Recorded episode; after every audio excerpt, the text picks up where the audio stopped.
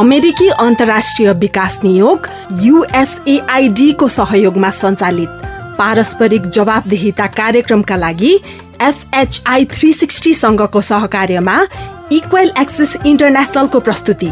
साझा बोली रेडियो बहस।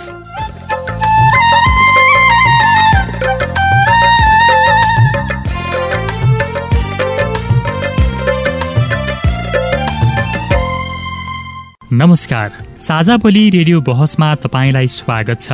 म मनु सुनार। अनि म सङ्गीता चुदारा। साझा बोली रेडियो बहसमा हामी नागरिक समाज आम संसार माध्यम र सार्वजनिक निकाय बीचको पारस्परिक जवाबदेहिता र आपसी दिगो सम्बन्धका विषयमा बहस गर्छौँ। पारस्परिक जवाबदेहिताका क्षेत्रीय सवाल र परिवेश समेटेर तयार पारिएको। साझा बोली रेडियो बहसको यो स्थानीय संस्करण हो। आजको साझा बोली रेडियो रेसुङ्गा एफएम एक सय छ दशमलव दुई मेगाहर्सले उत्पादन गरेको हो। साझा बोली रेडियो बहसको यो श्रृङ्खला रेडियो मदन पोखरा पाल्पा र रेडियो देउराली अर्घाखाँचीबाट पनि प्रसारण हुन्छ। जवाबदेहिताको राष्ट्रिय सवालमा नीति र कार्यान्वयनको समन्वय गर्ने साझा बोली रेडियो बहसको केन्द्रीय संस्करण इक्वेल एक्सेस इन्टरनेसनलले काठमाडौँमा उत्पादन गर्छ। साझा बोलीका दुवै संस्करणहरू तपाईँले हरेक हप्ता एकै समयमा सुन्न सक्नुहुन्छ। साझा बोली रेडियो बहसको यस सत्रको यो स्थानीय संस्करणको आज पहिलो भाग हो। झन्डै चार वर्ष अघिदेखि प्रसारण भइरहेको साझा बोली यस वर्ष रेडियो बहसको रूपमा उत्पादन तथा प्रसारण हुन लागेको हो। साझा रेडियो बहसको आजको भागमा हामी विपद न्यूनीकरणको पूर्व तयारी र व्यवस्थापनका विषयमा बहस गर्दैछौ। बर्खायामको समय सुरु भइसकेको छ। यस समयमा प्राकृतिक विपत्तिका घटनाहरू हुने गरेका छन् जसका कारण वर्षेनी जनधनको क्षति समेत भइरहेको छ। विपत्ति कुनै सूचना दिएर आउँदैन तर यसको पूर्व तयारीलाई चुस्त बनाइयो भने यसबाट हुने क्षति न्यूनीकरण गर्न सकिन्छ। नागरिकहरू अधिकारमुखी भएका छन् कर्तव्यमुखी भएका छैनन्। यसको लागि नागरिकलाई चेतनामूलक गर्ने हो कि उनीहरूलाई के किसिमले दिने हो? नागरिकहरू अहिले धेरै जसो खालि माग्ने मागेर पाइन्छ। त्यस्तै कार्यक्रममा विपद न्यूनीकरणको पूर्व तयारी र कार्यान्वयनको विषयमा तपाईँ सिधा प्रश्नको सिधा जवाब पनि सुन्न सक्नुहुन्छ। साथै विपद न्यूनीकरणको पूर्व तयारी व्यवस्थापन र कार्यान्वयनका विषयमा स्थानीय तहले अहिलेसम्म गरिरहेका कार्यहरूको विषयमा पनि हामी चर्चा गर्नेछौ। यसलाई चाहिँ कसरी रोकथाम गर्न सकिन्छ र चाहिँ अहिलेसम्म भएका विकासलाई चाहिँ जिगो बनाउन कसरी सकिन्छ संरक्षण गर्न कसरी सकिन्छ भन्ने हिसाबले चाहिँ हामी अगाडि बढ्नुपर्छ। साझा बोली रेडियो बहस अमेरिकी अन्तर्राष्ट्रिय विकास नियोग युएसएआइडी मार्फत अमेरिकी जनताहरूको सहयोगका कारण सम्भव भएको हो। यस कार्यक्रमभित्रका विषयवस्तु र सामग्री पारस्परिक जवाबदेहिता कार्यक्रमका एकल जिम्मेवारी हुन्। र यहाँ प्रस्तुत भनाइले युएसएआइडी वा अमेरिकी सरकारको विचार प्रतिबिम्बित गर्छन् भन्ने जरुरी छैन। रेडियो कार्यक्रम साझा बोलीमा तपाईँलाई फेरि स्वागत छ। विपद व्यवस्थापनको पूर्व तयारीका विषयमा कुराकानीका लागि यतिखेर कार्यक्रममा उपस्थित भइसक्नु भएको छ गुल्मीको इस्मा गाउँपालिकाका अध्यक्ष लक्ष्मण विष्ट र Nepal red cross society Hastichaur उपशाखाका सभापति शेरबहादुर कुँवर। अब हामी विषय प्रवेश गर्छौँ। विकासले प्राकृतिक विपद पनि निम्ताइ नै रहेको छ। यसबाट इस्मा गाउँपालिका पनि अछुतो रहन सकेको छैन।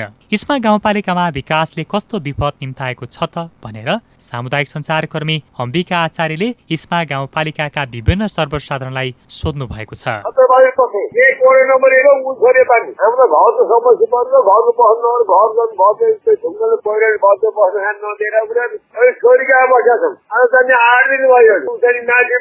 पहिरो गएर माथिबाट मदरबाट पहिरो गएर चाहिँ मेरो बारी पनि घर आज आठ घर पनि गयो अहिले चाहिँ बाहिर बस्नलाई चाहिँ अरू तिर्पल सकेर तिर्पल अझै गरेका छैनन् यहाँ।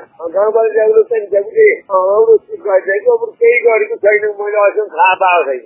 नारायण बहादुर कुमार इस्मा गाउँपालिका वार्ड नम्बर एक उजुङ मेरो घर पर्छ जनजाति निमाविको दुईवटा भवन र एउटा शौचालय विद्यालयको जगबाटै पहिरो गएर पूर्ण रूपमा क्षति भएको अवस्था छ भने अरू पनि अब यी मोटोबाटो कारणले बारीहरू भत्काउने सामान्य यिनी घरको नजिकमा पहिरो जाने यी कुराहरू भएका छन्। मेरो रामचन्द्र अधिकारी हो इस्मा गाउँपालिका यो बाटोले अलिकति गरेर छ बाटोको घरहरू जोखिममा बङ्गालाहरू घरहरू भएको बिजुलीका पोलहरू ढलेका छन् के अरे? छिमेकीको त गाह्रो छ सबै गएको छ। त अब घरहरू त्यस्तो जोखिम परेका छन् बाटोले गर्दाखेरि अन्य घरहरू अब बङ्गलाहरू जोखिममा परेका छन्। वार्ड नम्बर मोटर बाटो खन्ने क्रममा त्यहाँ नाली खन्दा हाम्रो विधान ठाउँबाट नाली खन्ने काम गर्थ्यो। त्यस को कारणले हाम्रो गाउँपालिकाबाट परेको निर्माणाधीन छात्र छात्र शौचालयको नजिकैबाट पहिरो खसेको छ त्यहाँ वरिपरि निर्माणाधीन निर्माण भएको भवन र परियोजनाको भवनको दुईवटा भवनको बिचबाट ठुलै पहिरो खसेर विद्यार्थी अब हामी सब सबैजनालाई हिँड्ने बाटो छैन सबै कर्किएको छ गाडोहरू कर्किएको छ थप क्षति नहोस् भन्ने उद्देश्यले तिरपालहरू टाँगेर राखेका छौँ अहिले। हाम्रो विकासका लागि यो भइराखेका अब बजार परिचालन त्यसपछि जुता केन्द्रीय बाटो अब सडक विभागबाट सञ्चालित भइहाल्यो। अरू अरू पनि विकासका लागि काम अगाडि बढाइरहँदा अर्को नहोस् सर्वसाधारणले हामी हाम्रो पनि एउटा संस्था हो। संस्थाले यत्रो क्षति गर्नु परेको छ। अरू सर्वसाधारणहरूको उठिवास नहोस्। अरू क्षति थप क्षति नहोस् र एउटा टिकाउ हुने खालको विकास विकास हो अध्यक्षजी नागरिकहरू पनि भौगोलिक रूपमा अध्ययन नै नगरी बाटो निर्माण गर्दा पहिरो लगायतका घटनाहरू धेरै भए भन्छन् नि सुनि नै हाल्नुभयो। तपाईँ चाहिँ यसरी प्राकृतिक विपदका घटनाहरू बढ्नुमा के भन्नुहुन्छ? पहिलो कुरो त प्राकृतिक कारणले नै चाहिँ यो बाढी पहिरो गइरहेछ दोस्रो कुरो मानव जन्ने क्रियाकलापका कारणले पनि चाहिँ भइरहेको अवस्था छ। जस्तै हाम्रो चाहना भनेको टोल टोलमा हाम्रा सडक सञ्जालहरू चाहिँ पुग्नुपर्छ भन्ने हाम्रा नागरिकहरूको चाहना अब पहाड चाहिँ उत्खनन गर्दाखेरि त्यसबाट चाहिँ हुने विषम परिस्थिति आइपर्ने चाहिँ विषम परिस्थितिको आकलन नगरिकन मागका आधारमा चाहिँ हामीले चाहिँ पहाड भत्काउने पनि गरेका छौँ। यसले पनि चाहिँ केही चाहिँ यो विपद ल्याउनुको निमित्त सहयोग पुऱ्याएको छ। दोस्रो कुरो हाम्रो चाहिँ भू बनौट कस्तो छ र कस्तो चाहिँ बनौटमा चाहिँ हामी चाहिँ बसोबास गरिरहेका छौँ त्यसको आकलन नगरिकन हाम्रा बस्तीहरू बसेको अवस्थामा कमजोर भूभाग भएको ठाउँमा अतिवृष्टि हुँदा भूक्षय हुने नोक्सानी हुने विपद पर्ने चाहिँ स्वाभाविकै हो। यस्तो हिसाबले पनि चाहिँ भ्रममा बस्ती विकास गरेर बसेको अवस्थामा पनि हाम्रा बस्तीहरू चाहिँ जोखिममा परेको अवस्था। खास गरी यो विपदका घटनाहरू बढ्नुमा चाहिँ तपाईँ के भन्नुहुन्छ शेरबहादुरजी? कारण यति मात्रै हो कि अरू पनि छ? एकदम अध्यक्षज्यूले राम्रो प्रसङ्ग उठाउनु भएको छ। एउटा प्राकृतिक दृष्टिकोणले त्यो आउने विपदलाई कसैले रोक्न सक्दैन त्यसलाई न्यूनीकरण गर्न सकिन्छ। कतिपय कुराहरू मानवजन्य हामीले गर्ने विकाससँग जोडिएका कुराहरू पनि छन्। इस्मा गाउँपालिकाले एउटा जोडदार रूपमा आफ्नो वार्षिक योजना पञ्चवर्षीय योजनाभित्र पनि तीव्र विकासका लागि जुन एउटा नीति बनाएर कार्यक्रम अगाडि बढाइरहेको छ यसले दिगो सञ्चालनको लागि एउटा नीतिगत रूपमा कुराकानी भए तापनि त्यसको पर्याप्त रूपमा नतिजामुखी कार्यक्रम बनाउन सकेको जस्तो लाग्दैन। उदाहरणको लागि अध्यक्षज्यूले भन्नुभयो सडकका कुरा गर्नुभयो। सडक निर्माण गर्दा कति पहिरो जान सक्छ कति पानीका मूल जोखिममा पर्न सक्छन् वन विनाश कति हुन्छ यो आई रिपोर्ट पनि गराउनु पर्ने थियो। तर तीव्र विकास शीघ्र विकास जुन हिसाबले गर्दै जाँदाखेरि छिटो चाहियो। उहाँले एक्लैले गरेर हुँदैन। त्यो टिम निर्माण गरेर त्यो अनुसारको काम पर्याप्त रूपमा भएको छैन। मैले जहाँसम्म देखेसम्म कतिपय ठाउँमा बाटो निर्माण गर्दा सडक निर्माण गर्दा पानीका मूल परेका छन्। प्रत्येक सामुदायिक वनभित्रबाट बाटो लैएको छ जसको कारणले इस्मा गाउँपालिकाले एउटा कार्यक्रम बनाउँदाखेरि पञ्चवर्षीय योजना बनाउँदाखेरि त्यो निर्माण पनि गरेको छ योजना इस्मा गाउँपालिकाले। त्यसको लागि उहाँलाई म धन्यवाद दिन चाहन्छु तर त्यसको कार्यान्वयनको पक्षमा केही कमी कमजोरीहरू देख्दछु। जस्तै इस्मा गाउँपालिकाले चौधवटा विपदका क्षेत्रहरू पहिचान गरेको छ। पहिरो। मूल रूपमा पहिरो एउटा एउटा भूकम्पको कारणले देखिएको छ भने अर्को सडकको कारणले। अहिले गाउँमा अहिले विपदका धेरै घटनाहरू सडकसँग जोडिएर पहिराहरू गइरहेका छन्। एउटा कारण त्यो छ पानीका मूलहरू सुक्दै गएका छन् जसले गर्दा इस्मा गाउँपालिकाले अहिले अठासी प्रतिशत घरधुरीमा खानेपानीको व्यवस्था मिलाइसकेको रिपोर्ट छ। तर ती सबै धेरै जसो योजनाहरू लिफ्ट योजनामा आधारित हुँदै गइरहेका छन्। एक घर एक धारा निर्माण गर्दाखेरि लिफ्ट महँगो बनेको छ स्थानीय मूलहरू सुक्दै गएका छन्। यसकारण पनि यो एउटा जटिल समस्याको रूपमा पनि देखिएको छ। यसको बारेमा अध्ययन अनुसन्धान हुनुपर्ने पनि देख्दछु। अर्को जस्तो जङ्गली जनावरको आक्रमणका कुराहरू पनि आएका छन्। जङ्गली जनावरको आक्रमणको कुरा गर्दाखेरि अहिले खेती किसान गर्नेहरू मान्छेहरू बाँदरले यति नोक्सान गरेको छ बँधै लागेको छ। वनको बिच बिचबाट इस्मा गाउँपालिकाको कुनै पनि वन छैनन् जहाँ सडकले नचिरेको होस्। वन र गाउँ बराबर। गाडी चलेपछि वन्यजन्तुले पनि गाउँ र सहर गाउँ र वन एउटै देखेको कारणले जङ्गली जनावर गाउँमा छ। यो जटिल समस्या बनेको छ र हामीले कतिपय कुरा यसमा के अध्ययन गर्नुपर्थ्यो कहाँ बस्ती छ कहाँ वन छ अब पहिलादेखि आएको कुरालाई निरन्तरता दिँदाखेरि गाउँपालिकालाई समस्या परेको जस्तो पनि लाग्छ। प्रक्रियामुखी होइन नतिजामुखी कार्यक्रम बनाउनु भएको छ। तर नतिजामा हेर्दाखेरि कार्यान्वयन पक्षमा केही सुधार्नुपर्ने पक्षहरू पनि देखेको छु। उहाँहरूले गरेका कुराहरूलाई अब गर्दै जानुहुनेछ भन्ने मेरो अनुरोध पनि छ। शेरबहादुरजीले भनिसक्नुभयो हामीले कार्ययोजना पनि बनाएका रहेछौँ। तर पनि यसमा कार्यान्वयनको सन्दर्भमा त समस्या रहेछ नि होइन? सेवाग्राही र चाहिँ हामी बिचमै समस्या छ अलिकति। हामीले कार्ययोजना पनि बनाएका छौँ। यो यो हिसाबले चाहिँ हामी अगाडि जानुपर्छ भनेर पनि चाहिँ हामीले चाहिँ त्यो त्यो नीतिलाई अवलम्बन गर्न खोजेका छौँ। यहाँ भएको के छ भने हामीले योजनाहरू छनौट गर्दा टोल बस्तीमा गएर उहाँहरूका आवश्यकताका योजनाहरू ल्याएर उरेर त्यसलाई कार्यान्वयन गर्ने भनेर पनि चाहिँ हामीले निर्धारण गरेका। हाम्रा जनप्रतिनिधि मित्रहरू हाम्रा कर्मचारी साथीहरू टोल टोलमा जानुहुन्छ अनि टोलबाट टोलका माग हुन् भनेर चाहिँ वडाबाट चाहिँ निर्णय गरेर पठाउनुहुन्छ। त्यो टोलवासीहरूले आफ्नो एरियाभित्र कति खानेपानीका मूल छन् कति वन जङ्गल छ त्यहाँ चाहिँ कस्तो किसिमको संरचना बनाउँदा हाम्रो चाहिँ गाउँ हाम्रो बस्ती जोगिन्छ र हामी पनि लाभान्वित हुन्छौँ भन्ने सोचका साथ योजनाहरू माग नभएको अवस्था छ। योजना नदिनु योजना पाइएन भनेर जनताहरू चाहिँ आकर्षित हुने स्थिति योजना दिनु सबै आकलन गरेर चाहिँ नल्याएको अवस्थाले पनि केही चाहिँ यो विपद निम्ताउने कुरामा चाहिँ सहयोग पुऱ्याएको अवस्था हो। शेरबहादुरजीले भने जस्तै हामीले नीति र कार्यक्रम आदि इत्यादि बनायौँ सबै चाहिँ होइन पञ्चवर्षीय योजना तयार पनि गऱ्यौँ। तर चाहिँ कार्यान्वयन चरणमा केही चाहिँ कमी भएको कुरा स्वाभाविक हो मैले चाहिँ यसलाई चाहिँ स्वीकार्छु केही चाहिँ त्यो कार्यान्वयनमा जाने क्रममा चाहिँ रोकावट भएको अवस्था पनि छ। तर चाहिँ हामी अहिले यो वर्षको नीति र कार्यक्रम बनाइरहँदा हामीले प्रतिबद्धता व्यक्त गरेका छौँ कि अब यो विनाशकारी हिसाबले चाहिँ विकास गर्न हुँदैन। यसलाई चाहिँ कसरी रोकथाम गर्न सकिन्छ र चाहिँ अहिलेसम्म भएका विकासलाई चाहिँ जिगो बनाउन कसरी सकिन्छ अब त्यो संरक्षण गर्न कसरी सकिन्छ भन्ने हिसाबले चाहिँ हामी अगाडि बढ्नुपर्छ भनेर हामीले नीति र कार्यक्रम ल्याएका छौँ। र म स्मरण गराउन चाहन्छु विगत सतहत्तर असार अठार गतिको चाहिँ बाढीको कारण हाम्रो चाहिँ गाउँपालिका छेद विच्छेद भयो। हामी अहिलेसम्म मर्माहित छौँ। हाम्रा चाहिँ लगभग चाहिँ बयालिस घरधुरी घरविहीन हुनुभयो। कैयन चाहिँ बस्ती छोडेर जाने चाहिँ स्थिति चाहिँ बन्यो। हामीले त्यो बेला शिविरहरू खडा गरेर पालहरू मुनि विद्यालयमा होइन राहत उपलब्ध गराएर उहाँहरूलाई तिन महिनासम्म चाहिँ जोगाएर राखेको अवस्था हो। र त्यति बेला गाउँपालिकाले सुरक्षित ठाउँमा बस्ती सार्ने भनेर पनि हामीले चाहिँ प्रयत्न गऱ्यौँ। तर उहाँहरू त्यो चाहिँ अब एउटा भग्नावशेष भएको भिर पखेरो आफ्नो नाममा छ। त्यो आफ्नो हो भनेर चाहिँ बुझ्नु भएको छ। तर त्यसलाई छोडेर टाढा जान सक्नु भएन। हामी यहाँबाट चाहिँ जाँदैनौँ भनेर भन्नुभयो। हामीले चाहिँ मन्त्रालयबाट भूगर्भविदहरूलाई पनि बोलाएर उरेर चाहिँ यो ठाउँको चाहिँ यकिन गर्नको निमित्त बोलायौँ।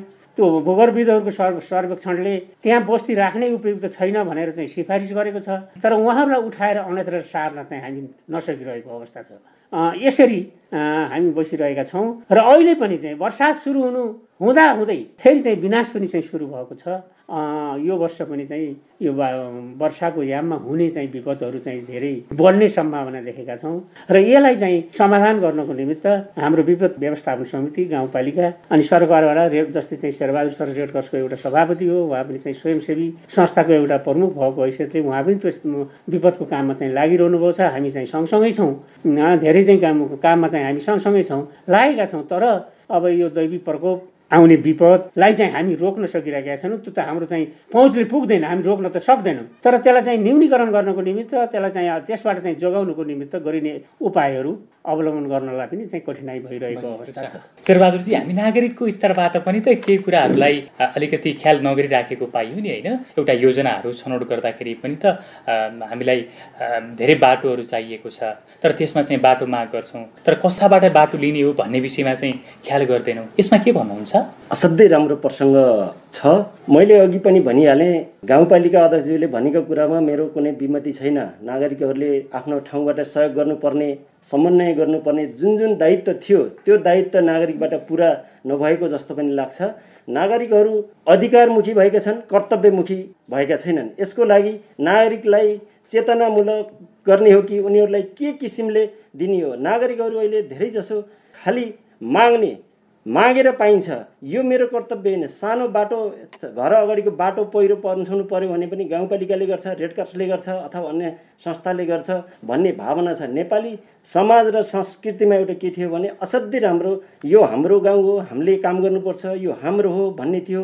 बाटा खन्ने सफा गर्ने पहिरो गर्ने विपदमा परेकालाई राहत उद्धार गर्ने कसैको त्यस्तो नगद नखोज्ने चलन थियो। अहिले गाउँपालिकाले हरेक विपदका घटनाहरूलाई तपाईँलाई राहत उद्धारको लागि एम्बुलेन्सहरूको सेवा दिएको छ।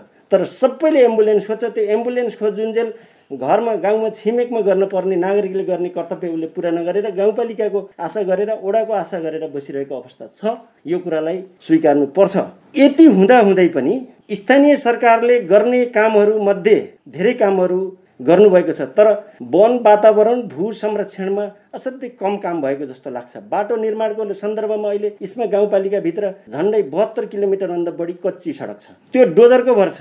त्यहाँ बायोइन्जिनियरिङको काम शून्य जस्तै छ भनौँ। त नागरिकको तर्फबाट भएर या नभएर मैले थाहा पाउँदैन। बायोइन्जिनियरिङ काम भएको देखिँदैन। मूल संरक्षणका कामहरू अलिक कम भएका छन्। ठुल्ठुला योजनाहरूमा मात्रै ध्यान दिए दिएको छ। साना योजनामा अलिक दृष्टिकोण पुग्न सकेन कि? र उहाँले जुन भन्नुभयो टोलबाट बस्तीबाट योजना छनौट गर्ने जुन प्रक्रिया छ त्यो प्रक्रियागत छ। व्यवहारमा जनप्रतिनिधिले भेला गरेर वास्तवमा भेला गरेर तपाईँको यो माग हो कि होइन भनेर छलफल गराउने परिपाटी बहुत कम छ। अहिले जनप्रतिनिधि पाँचजना बस्ने आफैले योजना छान्ने कहाँ कसले भन्यो म पहुँचवालाले जे भन्यो त्यही योजना सुनेर त्यसलाई चाहिँ प्राथमिकता दिएर योजना छनौट गरिएको छ। सर्वसाधारणको आवाज त्यहाँसम्म पुग्न सकेको छैन। यो रियालिटी छ। यस्ता साना साना साना कुराहरूमा पनि ध्यान दिन उहाँले आफ्नो टिमलाई परिचालन गर्नु नै छ भन्ने मेरो अनुरोध पनि छ। वास्तवमा जनप्रतिनिधिहरूले पनि त अब योजनाहरू छनौट गर्दाखेरि अलिकति विपदको कुरालाई ख्याल नगरेको जस्तो पनि त देखियो। आफैले योजना बनाउने भन्ने कुरा भर्खरै नागरिक स्तरबाट शेरबहादुरजीले भनि नै हाल्नुभयो। यसमा के भन्नुहुन्छ तपाईँ चाहिँ? अनि शेरबहादुर सरले भनेको कुरामा म शत प्रतिशत सहमत छु। किनभने जनप्रतिनिधि चाहिँ नितान्त चाहिँ राम्रो र नागरिक चाहिँ नराम्रो भन्न खोजेको होइन मैले। एउटा त नागरिकले पनि चाहिँ त्यस्तो गर्नुहुन्छ। अर्को कुरा जनप्रतिनिधिले पनि शेरबहादुर सरले भने जस्तै अब चाहिँ टाठा बाठाका चाहिँ कुराहरू मात्रै सुन्ने निम्न स्तरका मान्छेहरूका कुरा सुन् नसुन्ने उहाँहरूका माग नसुन्ने चाहिँ यदाकदा भएको चाहिँ छ होला। तर त्यो हुनु हुन्न। यसको सुधारका निम्ति चाहिँ गाउँपालिकाले के गर्दैछ म भन्दैछु म भन्दैछु। त्यो त्यो हुन हुन्न। त्यस्तो नीति चाहिँ गाउँपालिकाले लिएको छैन र चाहिँ जनप्रतिनिधिहरूलाई पनि हाम्रो तर्फ तर्फबाट मिटिङमा कार्यपालिकाको बैठकबाट निर्देशन गर्ने कुराहरू चाहिँ हामी पटक पटक गरिरहेको अवस्था छ। त्यो गरिरहँदा पनि चाहिँ एकाध चाहिँ त्यस्ता चाहिँ कुराहरू चाहिँ भइरहेको मैले पनि महसुस गरेको छु। तर त्यो हुनु हुन्न थियो त्यो त्यसलाई चाहिँ सुधार्नको निमित्त समय लाग्दो रहेछ। नागरिक पनि सचेत हुनु पर्दो रहेछ। हामी जनप्रतिनिधि पनि चाहिँ अब अलिकति सचेत हुनु पर्दो रहेछ। नागरिक चाहिँ कसरी प्रस्तुत हुनुहुन्छ? नागरिकसँग चाहिँ हामी कसरी प्रस्तुत हुने भन्ने कुरा चाहिँ मा पनि त हामीले चाहिँ जान्नुपर्ने हामी पनि सचेत हुनुपर्ने अवस्था छ। त्यसकारण चाहिँ अब दुइटै दुवैतर्फको चाहिँ कमजोरी चाहिँ मैले देखिरहेको छु। हाम्रो पनि कमजोरी छ। हाम्रो पनि कमजोरी छ नागरिकहरू पनि कमजोरी छ। त्यो कमजोरीलाई चाहिँ हामी चाहिँ सबैले चाहिँ सुधार्न पर्ने चाहिँ जरुरी छ। अब चाहिँ यो निर्माण विकासको कुरालाई चाहिँ जस्तै शेरबहादुर सरले भने जस्तै यथार्थ कुरा भन्नुभयो। म धन्यवाद दिन चाहन्छु उहाँलाई। अहिले हाम्रो चाहिँ समाजको मानसिकता के भएको छ भने सबै चाहिँ स्थानीय तहले गर्छ अथवा सबै जनप्रतिनिधिले गर्छन् सबै गाउँपालिकाले गर्छ वडापालिकाले गर्छ। मेरो चाहिँ बारीको ढिक खस्यो भने पनि त्यहाँ पर्खाल लगाइदिने काम गाउँपालिकाले गरिदिनुपर्छ भन्ने किसिमको चिन्तनको विकास हाम्रो नागरिकमा भएको चाहिँ मैले पाइरहेको छु। यो चार वर्षको चाहिँ अनुभवले मलाई चाहिँ यो देखाएको छ। अब उहाँहरूलाई चाहिँ केही त आफूले पनि कन्ट्रिब्युसन गर्नुपर्छ सरकारको मुख मात्रै ताक्न हुँदैन भनेर चाहिँ सचेतनाका कुराहरू पनि चाहिँ उहाँहरूलाई बुझाउनु पर्ने हामीले चाहिँ जे जति गरेका छौँ यो चाहिँ मेरो मात्रै नभएर यो हाम्रो हो भन्ने भावना जगाउनु पर्ने हाम्रो हो भनिसकेपछि सबैको चाहिँ सहभागितामा चाहिँ हुने सबैको सहभागितामा चाहिँ कुनै पनि काम चाहिँ सहभागितामा गर्नुपर्छ भन्ने किसिमको चाहिँ एउटा भावना जगाउनु पर्ने ती कमीहरू छन् त्यसलाई चाहिँ जगाउनु पर्ने चाहिँ सचेतनाका कुराहरूलाई चाहिँ अगाडि बढाउनु पर्ने आवश्यकता अझै बाँकी छ। अध्यक्ष अध्यक्षज्यूले भने जस्तै शेरबहादुरजी नागरिकहरूले चाहिँ आफ्नो दायित्व बिर्सदै जान मिल्छ? राज्यको नीति निर्देशन पोलिसीले धेरै फरक पार्दछ। हाम्रो समाजभित्र कुनै पनि त्यसको त्यो कामले के असर गर्छ के प्रभाव पर्छ भन्ने हेर्नको लागि नीति नै प्रमुख हो। कार्यनीति रणनीति त्यसैले त्यो रणनीति कार्यनीति तयार गर्नको लागि गाउँपालिकाले आफू प्रतिबद्ध भएर लाग्नुपर्छ। जस्तो उदाहरणको लागि अब मैले यहाँलाई एउटा उदाहरण दिन्छु। गाउँपालिकाले विपद व्यवस्थापनको सन्दर्भलाई जोडेर इस्मा गाउँपालिकाका छवटै वडामा हेलिप्याडहरू निर्माण गर्नुभएको छ।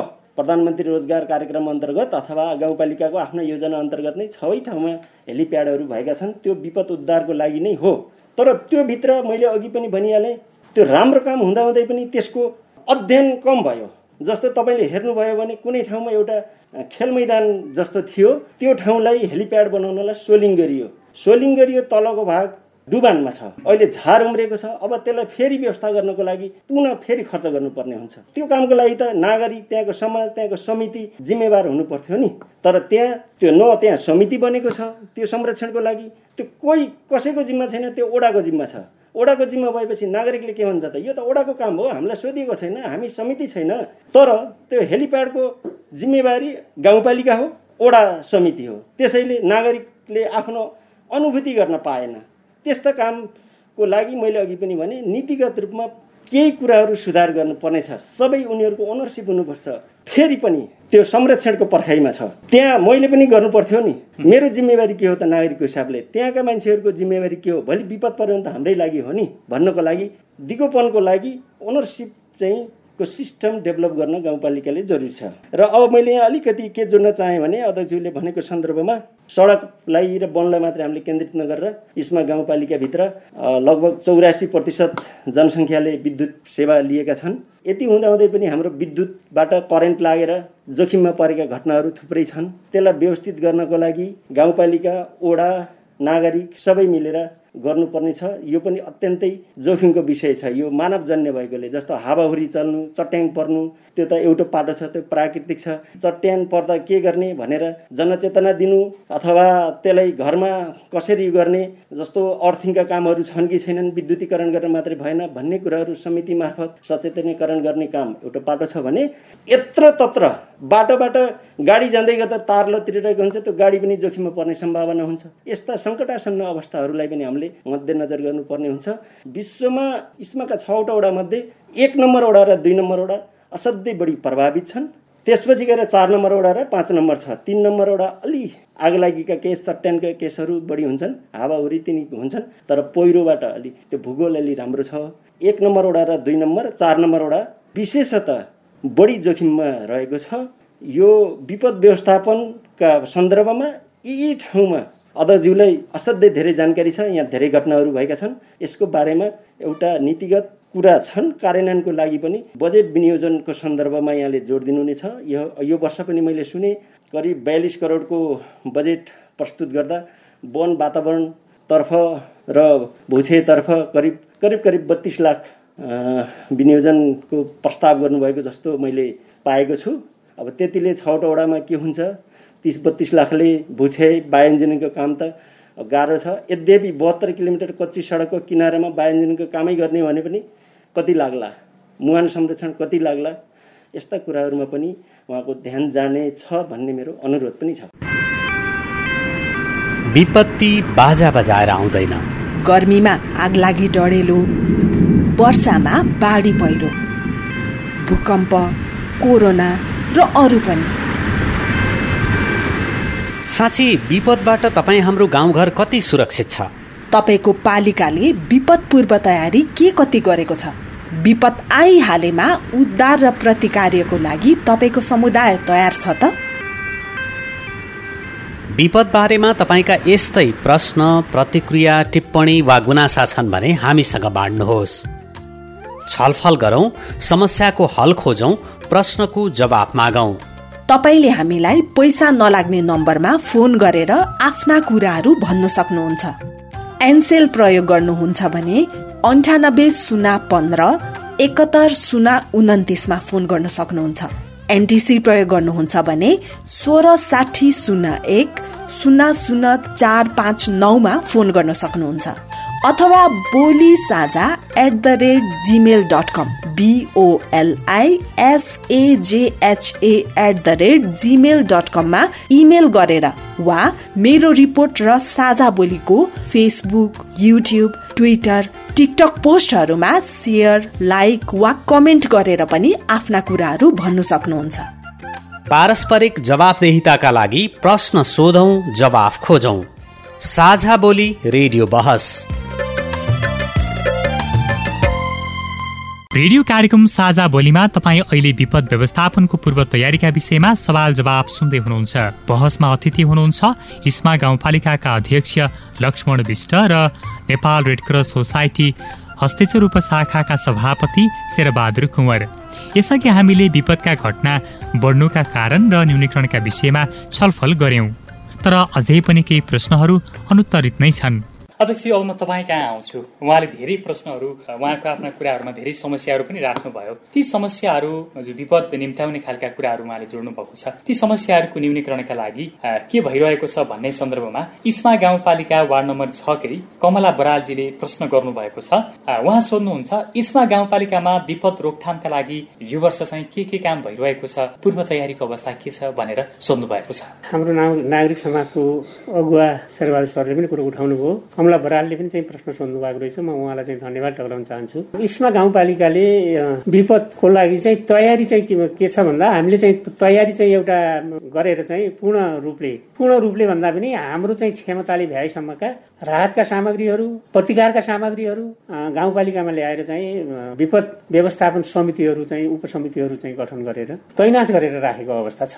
र केही चाहिँ पूर्व तयारीका कुराहरू चाहिँ हामीले पूरा गरिसकेका छौँ। आगलागी गर्दा हुँदा के गर्ने? बाढी पहिरो जाँदा के गर्ने? करेन्ट लाग्दा के गर्ने? त्यो तत्त ठाउँमा चाहिँ के के गर्ने भनेर चाहिँ हामीले पहिलो कुरा त हाम्रा गाउँपालिकाभित्र रहेका प्रहरी चौकीहरूलाई केही चाहिँ राहत सामग्रीहरू दिएर चाहिँ तैनात गरेको अवस्था छ। अनि प्रत्येक वडामा चाहिँ हामीले विपद तयारी समिति गठन गरेर रेड क्रस सोसाइटीलाई पनि परिचालन गरेर राखेको अवस्था छ। गाउँपालिका स्तरमा एउटा मूल चाहिँ टिम कोर टिम छ। यसरी चाहिँ तयारीको अवस्थामा हामीले चाहिँ सकेसम्म गर्न सक्ने जति तयारी हामीले चाहिँ गरेको अवस्था छ। जस्तै हाम्रो शेरबहादुर सरले उठाएको कुरा हेलिप्याडकै कुरा मैले प्रसङ्गबाट चाहिँ मैले कुरा गर्न चाहेँ। हामी चाहिँ त्यो नितान्त चाहिँ जनताको लागि हो हेलिप्याड बनाएको। जनता चाहिँ विपदमा परेको बेला जनतालाई चाहिँ राम्ररी उद्धार गर्न सकियोस्। विगतकै चाहिँ घटनाले हामीलाई चाहिँ देखाएको छ। हामीले हेलिप्याड त तयार गरिसकेका थियौँ त्यति बेला तर हामीले तयार गरेको हेलिप्याडमा चाहिँ हामीले जहाँ घटना घटेको थियो जहाँ मान्छे मरिसकेका थिए जहाँ घाइते थिए तिनीहरूलाई त्यो ठाउँमा चाहिँ ल्याउनै सकिएन। र अस्थायी हेलिप्याड तयार गरेर बाटा अवरुद्ध भएर मान्छे पनि जान नसक्ने अवस्था भएर स्टेचरमा पनि बोकेर ल्याउने सक्ने अवस्था नरहेर आखिरी चाहिँ नदीको किनारमा चाहिँ आर्मी लगाएर अस्थायी हेलिप्याड तयार गरेर चाहिँ हेलिकप्टर ल्यान्ड गराएर उद्धार गर्न पर्ने परिस्थिति सिर्जना हो हाम्रा भू बनौट त यस्ता छन् नि। एउटा डाँडोदेखि अर्को डाँडोसम्म चाहिँ जान नसकिने अवस्था रहन सक्छ। कुनै एउटा वडाभित्र भएको एउटा संरचनाले सबै त्यो वडाभित्रका जनतालाई चाहिँ समेट्छ भन्न सकिँदैन। किनभने हाम्रो भू बनौटले चाहिँ यस्तो कठिनाई उत्पन्न गराएको छ। तर त्यो चाहिँ जुन बाँध पोखरामा भएको चाहिँ वार्ड नम्बर एकको हेलिप्याड हो त्यहाँ चाहिँ हेलिप्याड बनाउन चाहिँ म मन्जुर भएको थिइनँ। नागरिकले के कुरो बुझेका छैनन् भने यो हेलिप्याड चाहिँ हामीलाई विपद पर्दाखेरि उद्धार गर्नको निमित्त निर्मित हेलिप्याड हो। यो हामी सबैको हो भन्ने कुराको नागरिकहरूले नबुझेपछि आगामी दिनमा अब हामी एउटा समन्वय र बढाएर ल्याउनुपर्छ एकदम। एकदम यो हाम्रो हो भन्ने बनाउनको निमित्त उहाँहरूलाई त्यो कुरो जानकारी दिनको निमित्त पनि एउटा कार्यक्रमै राखेर यो तपाईँहरूको हो है तपाईँहरूले नै संरक्षण गर्नुपर्छ है भनेर कुरो बुझाइदिनु पर्ने चाहिँ आवश्यकता छ। अब हामी एउटा नागरिक सङ्घको पनि सहकारी र समन्वयलाई अगाडि बढाएर लैजानुपर्छ होइन त? हाम्रो अध्यक्षज्यूले भनेको कुरामा त मेरो पूर्ण सहमत छ।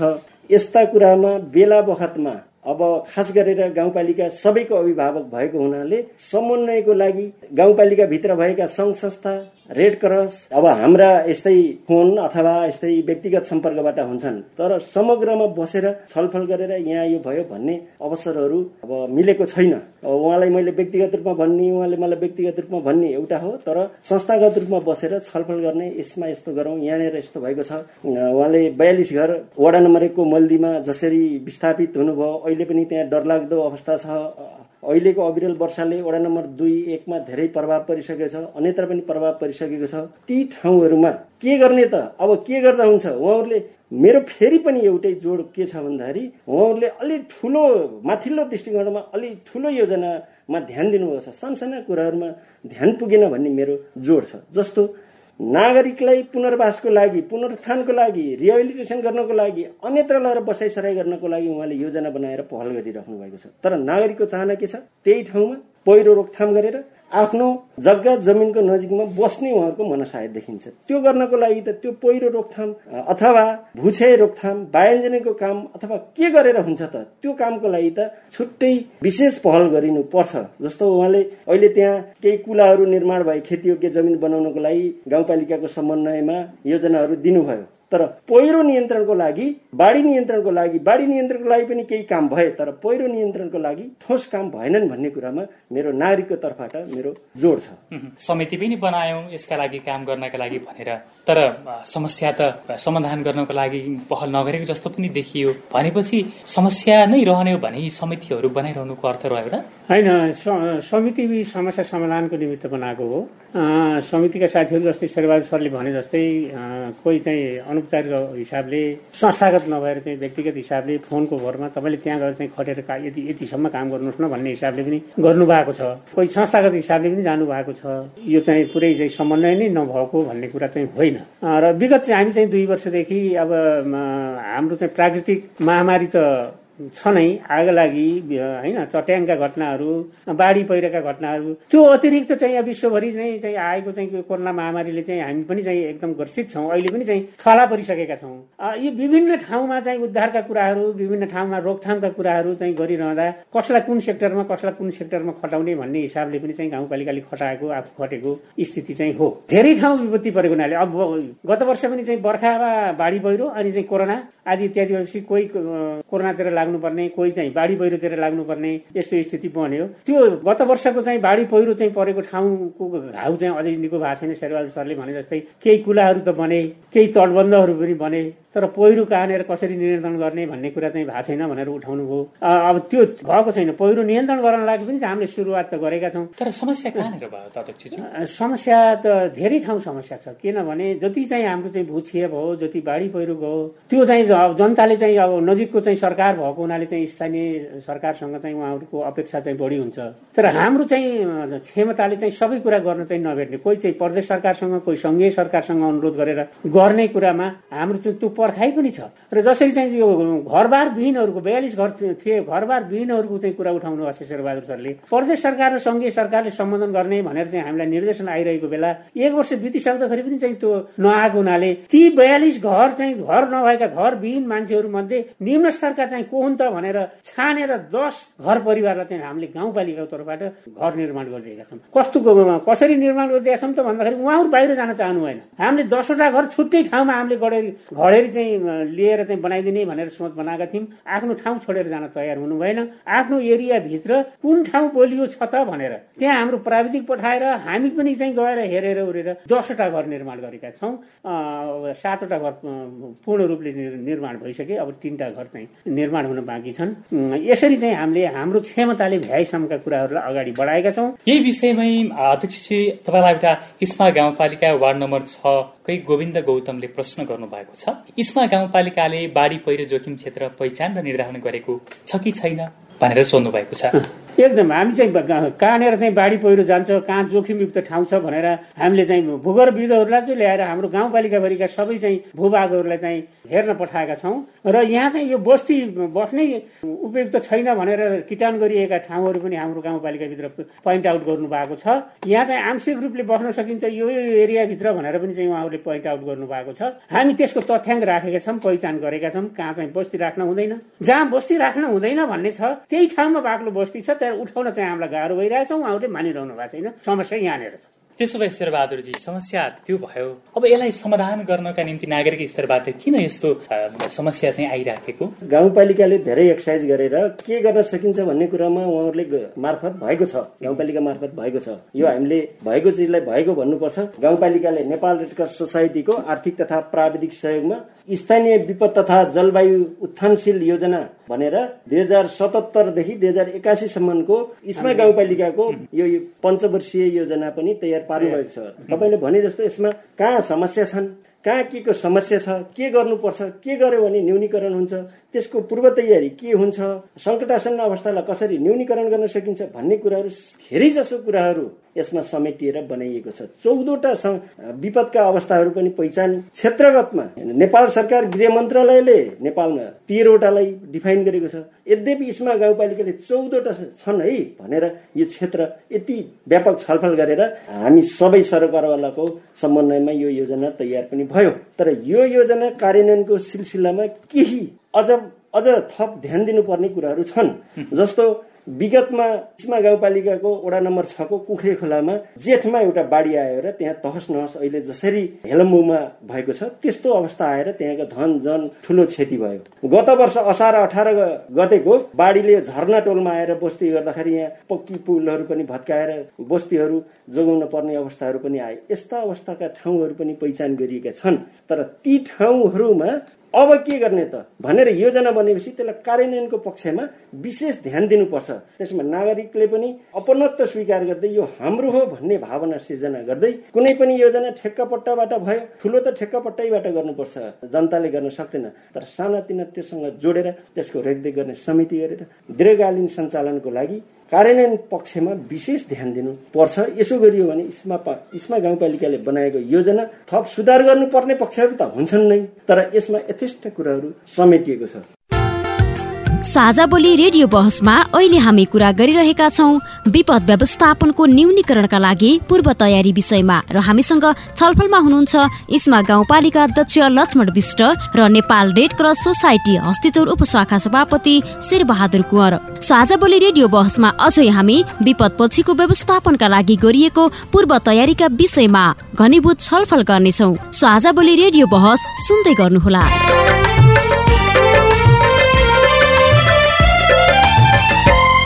तपाईँ अहिले पारस्परिक जवाबदेहिता प्रवर्धनका लागि साझा बोली रेडियो बहस सुन्दै हुनुहुन्छ। आज हामी विपद व्यवस्थापन र पूर्व तयारीका विषयमा सवाल जवाब गरि नै रहेका छौँ। बहसमा अतिथि हुनुहुन्छ हिस्मा गाउँपालिकाका अध्यक्ष लक्ष्मण विष्ट र Nepal red cross society Hasteshwar उपशाखा सभापति शेरबहादुर कुँवर। यसअघि हामीले विपद व्यवस्थापनका लागि गरिएको पूर्व तयारीका विषयमा छलफल गर्यौँ यहाँहरूले यो जोखिम क्षेत्र पनि निर्धारण गर्नु भएको रहेछ छुट्याउनु भएको रहेछ। तर अब त्यसरी छुट्याइसकेपछि त्यसको व्यवस्थापनमा चाहिँ समन्वयकै अभाव जस्तो देखियो।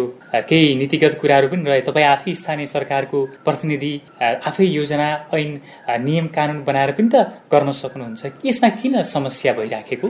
समस्या चाहिँ कहाँनिर रह्यो भने पहिलो कुरो त यो एकपछि अर्को विपद चाहिँ आइरहेको अवस्था र फेरि चाहिँ स्थानीय तहले धेरै ठाउँमा ध्यान दिन पर्ने र जसरी चाहिँ शेरबहादुर सरले भने जस्तै जुन जुन ठाउँमा जुन जुन समितिहरू गठन गरेका छौँ त्यो त्यो समिति आफै स्वायत्त भएर चाहिँ काम नगरिरहेको अवस्था र त्यसमा फिडब्याक हामीले दिन समयमा नपाएको अवस्थाले पनि चाहिँ केही कुराहरू रोकिएका छन्। अब जस्तै शेरबहादुर सरले उठाउनु भएको छ यो चाहिँ विपदलाई चाहिँ न्यूनीकरण गर्नको निमित्त विपदबाट चाहिँ जोगिनको निमित्त त्यसको प्रतिकार योजना बनाउनको निमित्त केही संरक्षणको लागि चाहिँ गर्नको निमित्त बजेट थोरै छुट्टिएको छ त्यो अलि अपुग भयो कि भन्ने उहाँले नभने पनि साङ्केतिक हिसाबले चाहिँ त्यो त्यो सङ्केत गर्न खोज्नु भएको जस्तो बुझेको छु मैले हामीले जे जति छुट्याएका छौँ त्यसले चाहिँ पुगेन भने हामीले अरू चाहिँ योजनामा विकासका योजनामा चाहिँ छुट्याएका काम नभएका योजनाहरूका रकम पनि काटेर चाहिँ त्यसमा हामीले रकमान्तर गरेर चाहिँ हालेर चाहिँ काम अगाडि बढाउन सक्छौँ त्यो चाहिँ हाम्रो क्षेत्रभित्र पर्छ। त्यसो भएको हुनाले अब यो रकमकै चाहिँ अभावले चाहिँ रोकिएको हो कि भनेर भन्न पर्दैन। हामी यथेष्ट रकम चाहिँ आवश्यकता अनुसार चाहिँ रकम त्यसलाई उपयोग गर्न सक्छौँ। अर्को कुरा यो कोभिडले पनि चाहिँ हाम्रो धेरै चाहिँ विपदको रकमलाई चाहिँ खर्च गर्नुपर्ने बाध्यता गराएको छ। यो पनि हामी तपाईँ हामी सबैको साझा विपदको समस्या हो। अब यो चाहिँ विपदमा रकमकै अभावले चाहिँ स्थानीय तहले काम गरेन कि भनेर चाहिँ म यहाँहरू मार्फत सम्पूर्ण सीमावासी नागरिकहरूलाई के चाहिँ आह्वान गर्न चाहन्छु भने यो चाहिँ रकमको अभावले विपदका कुराहरू बढिरहेका छन् कि यसको रोकथाम भएन कि भनेर चाहिँ चिन्ता गर्न पर्दैन। आवश्यकता अनुसारको चाहिँ रकम हामी अन्तबाट खोजेर ल्याएर भए पनि विपदमा लगानी गर्न सक्छौँ म यो प्रतिबद्धता व्यक्त गर्न चाहन्छु। दोस्रो कुरा के छ भने अनि सुरुमै हामीले चाहिँ भनेका थियौँ विपद हामीलाई सोधेर पनि आउँदैन हामीलाई जानकारी दिएर पनि आउँदैन। यति मात्रामा आउँछु पनि भन्दैन। त्यसो गर्दाखेरि यसको यकिन ठ्याक्कै एक्जेक्ट यति हो भनेर भन्न पनि नसकिने अवस्था भएको हुनाले त्यो सस्पेन्डमै छ र चाहिँ आवश्यकता अनुसारको बजेट स्थानीय तहले खर्च गर्छ। होइन? म यो चाहिँ जाहेर गरेँ दोस्रो कुरा के हो भने जहाँनिर अब चाहिँ हामीले चाहिँ एउटा मानव सेवाको भावना सबैलाई जगाउन पर्ने जरुरी पनि हुँदो रहेछ। जहाँ विपद परेको छ विपद परेर चाहिँ विपदबाट छटपटाइरहेका मान्छेहरूको चाहिँ रोदन क्रन्दन लाई चाहिँ सुन्न सक्ने हृदय भएका मान्छेहरूको जमातलाई अलिकति उत्साहित बनाएर चाहिँ यो विपदमा लगाउनुपर्छ भन्ने मलाई लाग्छ। समाजले समाजलाई बचाएको छ समाजले व्यक्तिलाई बचाएको छ। यो निर्दयी समाज छ भनेर त भन्दिनँ म। दयालु समाज छ र न चाहिँ हामी सबै बाँचेका छौँ। तै पनि यसलाई अझै चाहिँ उत्कृष्ट हिसाबले चाहिँ सेवा भावना जगाउन चाहिँ जरुरी छाडेको छ हामीले गरेका तयारीलाई सुस्त बनाइराख्नको लागि चाहिँ अब कसरी अगाडि बढ्ने होला त? असाध्यै जरुरी छ हाम्रो संस्कार संस्कृति मानव सेवा दयाभाव सहिष्णुता हाम्रो नेपालीको एउटा संस्कृति र पहिचान पनि हो र अब जहाँसम्म यसको विस्तारको लागि अब नेपाल रेड क्रस सोसाइटीले भोलिन्टियर्सहरू तयार पारेर अब उहाँ हाम्रो गाउँपालिका अध्यक्षज्यू पनि यो नेपाल रेड क्रस सोसाइटीको आजीवन सदस्य हुनुहुन्छ। यस्ता म रेड क्रसको छु मैले मानव सेवा गर्नुपर्छ निष्पक्ष भएर गर्नुपर्छ। यो विपदको न्यूनीकरणका लागि समन्वयलाई प्रभावकारी बनाउने आफ्ना योजना र कार्यक्रमलाई प्रभावकारी बनाउनका लागि समन्वयलाई नै विशेष जोड दिने भन्ने कुरामा पुग्यौँ होइन त? एकदम। शेरबहादुर सरले भने जस्तै केही चाहिँ हामी हामी नै गर्न नखोजेको समन्वय नगरेको पनि होइन उहाँले चाहिँ त्यो कुरा आफ्नो अभिव्यक्ति पनि प्रसङ्ग गर्नुभएको छ। त्यसमा अझै कमी भएको भए समन्वय गरेर अझै यसलाई व्यवस्थित रूपले अगाडि बढाउनुको निमित्त गाउँपालिका त तयार छ नि। एकदम प्रतिबद्ध छ। अब यो विपद व्यवस्थापनको यो पूर्व तयारीकै विषयमा हामी कुराकानी गरिरहँदा यसलाई प्रभावकारी ढङ्गबाट कार्यान्वयन गर्नका निम्ति यहाँले बनाउनु भएका योजनाहरूलाई यहाँको तर्फबाट के के गर्न सक्नुहुन्छ त अध्यक्षजी होइन हामीले यसलाई कार्यान्वयन गर्ने गरी नै चाहिँ यो हामीले चाहिँ चौधवटा चाहिँ होइन विपदका चाहिँ प्रतिकारी योजनाहरू चाहिँ कसरी यसलाई रोकथाम गर्ने कसरी न्यूनीकरण गर्ने कसरी आउनै नदिने आयो भने चाहिँ के गर्ने भनेर जुन एउटा सेड्युलै तयार गरेका छौँ। त्यसलाई प्रभावकारी हिसाबले चाहिँ हामी कार्यान्वयनमा गयौँ भने कहीँ कहीँ पनि समस्या रहँदैन। अब कार्यान्वयन गर्ने चरण सिलसिलामा चाहिँ कहीँ कमी कम कमजोरी चाहिँ भएको भए त्यसलाई चाहिँ अब फेरि चाहिँ अलि अलिक क्रियाशील भएर अगाडि बढाउनुपर्छ र सबै तहर तर्फका समाजसेवी सहयोगी सबैलाई चाहिँ साथमा लिएर चाहिँ अगाडि जानुपर्छ। यो यसरी गइयो भने कुनै पनि समस्या समस्या रहँदैन। शेरबहादुरजी हामी कुराकानीको यही सहमतिमा पुग्यौँ। आजको यो छलफलको यही निष्कर्षमा पुग्यौँ कि आगामी दिनमा अब नागरिक स्तरबाट र गाउँपालिकाको स्तरबाट हामी सहकारी सहमति र समन्वयमा अगाडि बढ्छौँ। होइन त? अवश्य। गाउँपालिकाले बनाएको नीति निर्देशन मार्ग दर्शनलाई नागरिकले पालन गरेकै छन् अवज्ञा गरेको जस्तो लाग्दैन। हजुरले यो कार्यक्रम मार्फत जुन सचेतीकरण गर्ने एउटा अवसर पनि दिनुभएको छ यस्ता कार्यक्रमहरूले पनि नागरिकहरूलाई सचेतीकरण गर्न सघाउ पुग्दछ। त्यसैले यो कार्यक्रम यस्ता कार्यक्रम सञ्चार जगतले गर्ने कार्यक्रम गाउँ स्थानीय सरकारले गर्ने कार्यक्रम नागरिकले गर्ने कार्यक्रमको बिचमा यो समन्वय जुन भएको छ यो समन्वय गर्नुभएकोमा यहाँलाई पनि म हार्दिक धन्यवाद दिन चाहन्छु। यो महत्वपूर्ण समय सँगसँगै संवादमा सहभागी हुनुभएकोमा इस्मा गाउँपालिकाका अध्यक्ष लक्ष्मण विष्टजी त्यसै गरी नेपाल रेड सोसाइटी हस्तिचौर उपशाखाका सभापति शेरबहादुर कुँवरजी दुवैजनालाई धेरै धेरै धन्यवाद छ। धन्यवाद।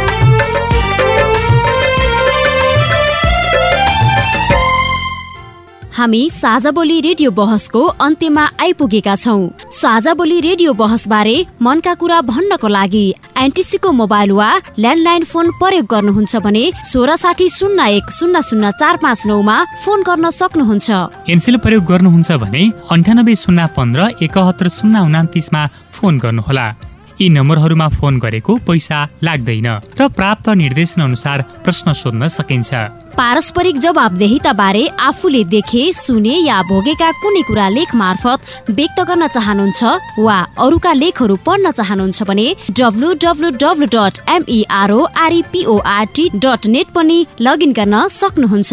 साझा बोली रेडियो बहस तपाईँले मेरो रिपोर्ट वेबसाइट पोडकास्ट च्यानल र सामाजिक सञ्जालहरूमा पनि सुन्न सक्नुहुन्छ। हवस् त आजको साझा बोली रेडियो बहसबाट अब भने विदा हुने बेला भयो। आज हामीले विपद व्यवस्थापनको पूर्व तयारीका विषयमा खरो कुराकानी गर्यौं आज हामी विपद व्यवस्थापनको पूर्व तयारीलाई चुस्त बनाइराख्न सहकार्य र समन्वयात्मक कार्यमा जोड दिने विषयमा सहमत भयौं। आजका हाम्रा अतिथि इस्मा गाउँपालिकाका अध्यक्ष लक्ष्मण विष्टले आउँदा दिनमा विपद व्यवस्थापनको पूर्व तयारीलाई प्रभावकारी बनाउन सबै पक्षसँग आवश्यक समन्वय गर्ने र विपद न्यूनीकरणका लागि आवश्यक बजेटको अभाव हुन नदिने प्रतिबद्धता जनाउनु भएको छ। र Nepal red cross society Hasteshwar उपशाखाका सभापति शेरबहादुर कुँवरले अब आउँदा दिनमा विपद व्यवस्थापनको पूर्व तयारीका लागि गाउँपालिकासँगको सहकार्यमा अघि बढ्ने र सहकार्य गर्ने प्रतिबद्धता जनाउनु भएको छ। आशा छ यी प्रतिबद्धताहरू पूरा हुनेछन्। यतिन्जेल ध्यान दिएर कार्यक्रम सुन्नु भएकोमा तपाईँलाई धन्यवाद। आगामी हप्ता पनि आजको जस्तै समयमा सार्वजनिक जवाबदेहिताको अर्को विषयमा खरो छलफल लिएर आउनेछौ। सुन्न नबिर्सनुहोला।